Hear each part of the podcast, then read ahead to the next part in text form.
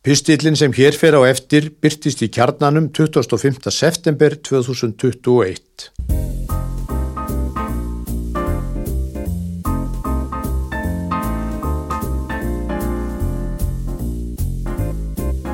Sjöhundruð sextíu og tvær bækur. Útlendingar, svertingar, framandi, sígaunar, stela, hóta, svíkja, lemja, vesalingar og ómerkilegir auðmingar. Þetta orðfæri þykir ekki góð latína í dag en konan sem notaði þessi orð er einn mest lesni höfundur sögunar, Enid Blyton. Enid Mary Blyton hefur verið líst sem rítvél á yfirsnúningi. Hún skrifaði upp undir 10.000 orð á dag á hverjum einasta degi. Afkostinu voru slík að Ímsir heldu því fram að hún hefði fjölda manns í vinnu við skriftirnar en öllu slíku neytaði Enid Blyton. Eitt árið voru bækurna 50. Til viðbótar bókunum 762 sem hún sendi frá sér um æfina skrifað hún óteljandi bladagreinar um nánast allt milli heimins og jarðar. Um árabil var hún rítstjóri og jafnframt aðal höfundur barnatímaritsins Sunny Stories. Afkvöstin voru með ólíkindum. Bækur Enid Blyton hafa selst í hundruðu miljóna intaka og verið gefnar út á að minnstakosti 90 tungumálum. Enid Blyton var fætt í söðurlúta Lundúna 11. ágúst 1897 elst tryggja sístkina. Fadurinn var sölumadur, seldi búsáhöld og fött, móðurinn var heimavinnandi. Nokkura mánuða gömul vektist enit alvarlega af kíhósta og var vartuga líf. Í minningum sínum sagði enit eftir foreldrum sínum að hún ætti lífgjöfina föðurnum að þakka. Í æfiminningunum kemur líka fram að fadurinn hafi haft mikinn áhuga á blómum, fugglum, tónlist og myndlist og yðin við að uppfræða dótturina og kent henni að spila á píano. Þegar Enid Blyton var tveggja ára flutti fjölskyldan til Beckham sem þá var lítið þorp sunnan við London. Enid laug prófi frá St. Kristoffer skólanum í Beckham 18 ára gömul. Hún hafði ekki sérlega mikinn áhuga fyrir bóklega náminu en því meiri fyrir íþróttum. Hún var skólamestari í tennis og fyrirliði skólaliðsins í háfleik, lacrosse, það líkist hokki og ísokki, leikin með priki, með póka á endanum. Enit var einnig efnilegur píjánuleikari og íhugaði að sækja um í Gildtól tónlistaskólanum. Sagði síðar að hún hefði ekki haft nægan áhuga fyrir að verða tónlistarmadur. Þegar Enit hafði lokið leikskóla kennaranámi starfað hún sem leikskólakennari. Þar uppgötað hún hver auðvelt hún átti með að segja börnum sögur sem hún samti jafnóðum. Fyrsta bók Enid Blyton kom út árið 1922, ljóðabókin Child Whispers, Barnakvísl. Hún hafði þá margóft fengið byrt ljóð og smásögur í tímaritum en ekki fram til þessa tekist að fá útgefanda að hilli bók. Phyllis Chase, vinkona Edith frá skólaárunum, myndskreitti Barnakvísl og hún átti síðar eftir að myndskreita all margar bækur sem Enid sendi frá sér. Enit hafði þegar þarna var komið ákveðið að helga sig rítstörfum og sendi á næstu árum frá sér allmarkar barnabækur, flesta stuttar og ríkulega myndskreittar. Sumar þeirra vöktu talsverða aðtigli en var þó talsvert í að henni tækist að festa sig í sessi sem rítöfund. Í stuttum písli sem þessum verður að fara hratti við sögu. Fyrsta skáldsaga Enid Blyton í fullri lengt kom út árið 1938. Það var The Secret Island, ævintýra eigin eins og hún hétt á íslensku. Bókin fekk ágæta dóma, einn breskur gaggrínandi sagði hana eins konar Robinson Crusoe bók sem þó gerist í Englandi. Ævintýra bækurnar átt eftir að njóta mikill af vinselda og á áránum fram til 1950 komu út samtal sex bækur í þessum flokki. Til marksum afkostin má nefna að árið 1940 komu út 11 bækur undir hennar nafni og aukðist tvær undir dullnefninu Mary Pollock, millinafn Enid og eftirnafn þáverandi eiginmanns. Uklaust hefur Enid verið skemmt þegar gaggrinandi nokkur sagði að þessar bækur hennar Mary Pollock væri svo vinsælar að nú mætti Enid Blyton fara að vara sig.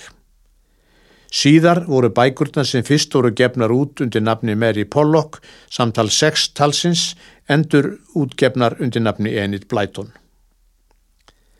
Þrátt fyrir að Enid Blyton væri orðin þekktur rítöfundur slóun ekki slöku við. Bækurnar streymtu frá henni.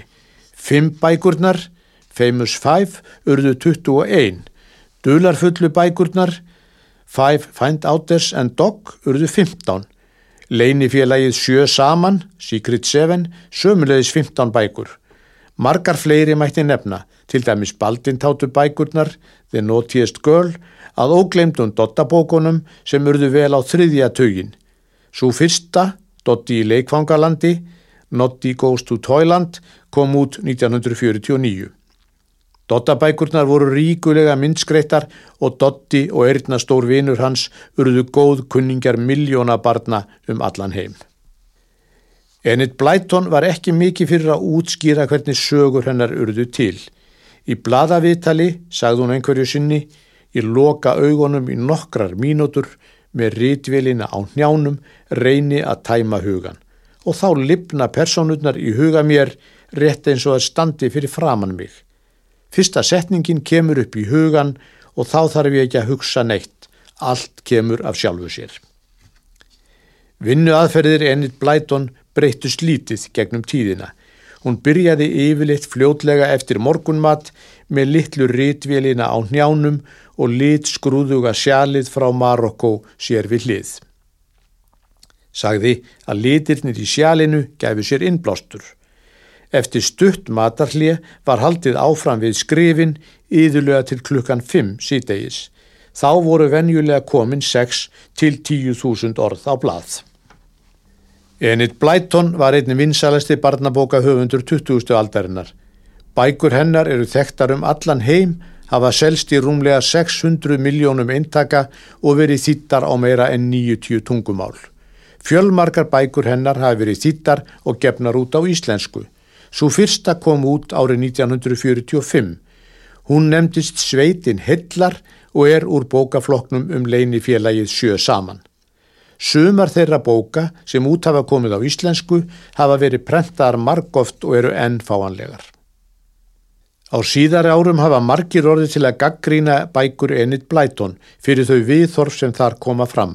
Stjættaskipting, kynja hlutverk, kynþátt að viðhorf, útlendinga, hatur, skortur á bókmentalegu gildi og fleira og fleira. Söguhetjur bókana eru yfirleitt af miðstjætt. Reyndar er þessi gaggrinni ekki ný af nálinni. Árið 1960 neytaði útgefandi Enid Blyton að gefa út eina bóka hennar vegna orðalagsins. Annað forlag gaf hins vegar út bókina sem seldist vel og var endur prentu þrísvar. Aðri segja að í bókum Enid Blyton sé að finna bóðskapum bjart síni og börn og unglingar um allan heim hafi lesið bækur sér til ánægi og afþreyingar og að uppbeldi slutverk bóklestus verði seint ofmitið. Höfundur þessa pistils, fættur um miðja síðustu öld, glifti í sig bækur Enid Blyton, livði sig inn í þann æfintýra heim sem þar var að finna og var ekki að velta fyrir sér bókmenta og uppbeldi skildi tekstans, líklega dæmigerðu lesandi. Enid Blyton er hluti af sögu Englands og bækur hennar seljast enn í stórum stíl. Þess má geta að aðeins verk William Shakespeare, Agatha Christie og Jules Verne hafa verið þýtt á fleiri tungumál en bækur Enid Blyton. Víða um heim er að finna stittur og minningarskildi um einstaklinga sem á einhvern hátt hafa sett mark sitt á söguna. Stjórnmálamenn, oft í yfirstærð, eru fyrirferðar miklir á fótstöllunum, þjóðhöfðingjar sömuleiðis. Rítöfundar, lista og vísindamenn komast líka oft á stall. Minningaskildir eru af sama meiði. Gjarna settir á hús þar sem þekktir einstaklingar fættust, byggu einhver típa æfinni eða síðustu æfi árin. Á allra síðustu árum hefur orðið mikil breyting á viðhorfi almennings víða um lönd varðandi slík minnismerki. Þessa viðhorfsbreytingu rekja margir til Black Lives Matter reyfingarinnar sem stopnuð var í bandaríkjónum árið 2013. Þó treyfingin hafi fyrst og fremst verið stopnuð til að vekja aðtíkli á ofbeldi lauruglunar gaggar þeldökkum og margskonar mismunun í garð þeirra hafa áhrifin ná langt út fyrir þessa raðir. Í London og nágrenni er að finna nokkra minningaskildi með nafni Enid Blyton á húsum þar sem hún bjó um lengri eða skemmri tíma. Suma skildina hafa viðkomandi sveitarfélög sett upp og gjarna tiltekið hvenar Enid Blyton bjó á þessum stað. Eitt slíkur skjöldur er á húsi í Chessington sunnan við London og þar bjó Enid Blyton í upphafiri töfundarferil síns. Skildinu var komið þar fyrir að tilhlutan stopnunar sem nefnist English Heritage.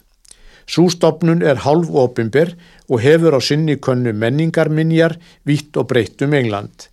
Í London og nágræni eru 950 minningaskildir, bláir postulinskildir með hvítri áletrun og merki English Heritage.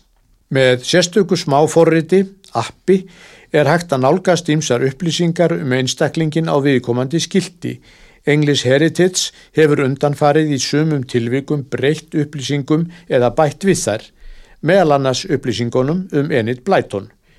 Í þessum viðbótar upplýsingum má lesa að höfundurinn hafi verið gaggrindur, meðal annars fyrir rasisma. Sömulegis er nefnt að konunglega myndsláttan hafi árið 2016 hafnað því að slá sérstaka 50 pensa mynd til heiðurs Enid Blyton. English Heritage segir ennfremur Sumir segja að ekki sé hægt að neyta þessum ásökunum en vilja jafnframt benda á að bækur hennar hafa glatt kynnslóðu barna um allan heim og verið þeim hvatning til að lesa. Enid Blyton lést 28. november 1968.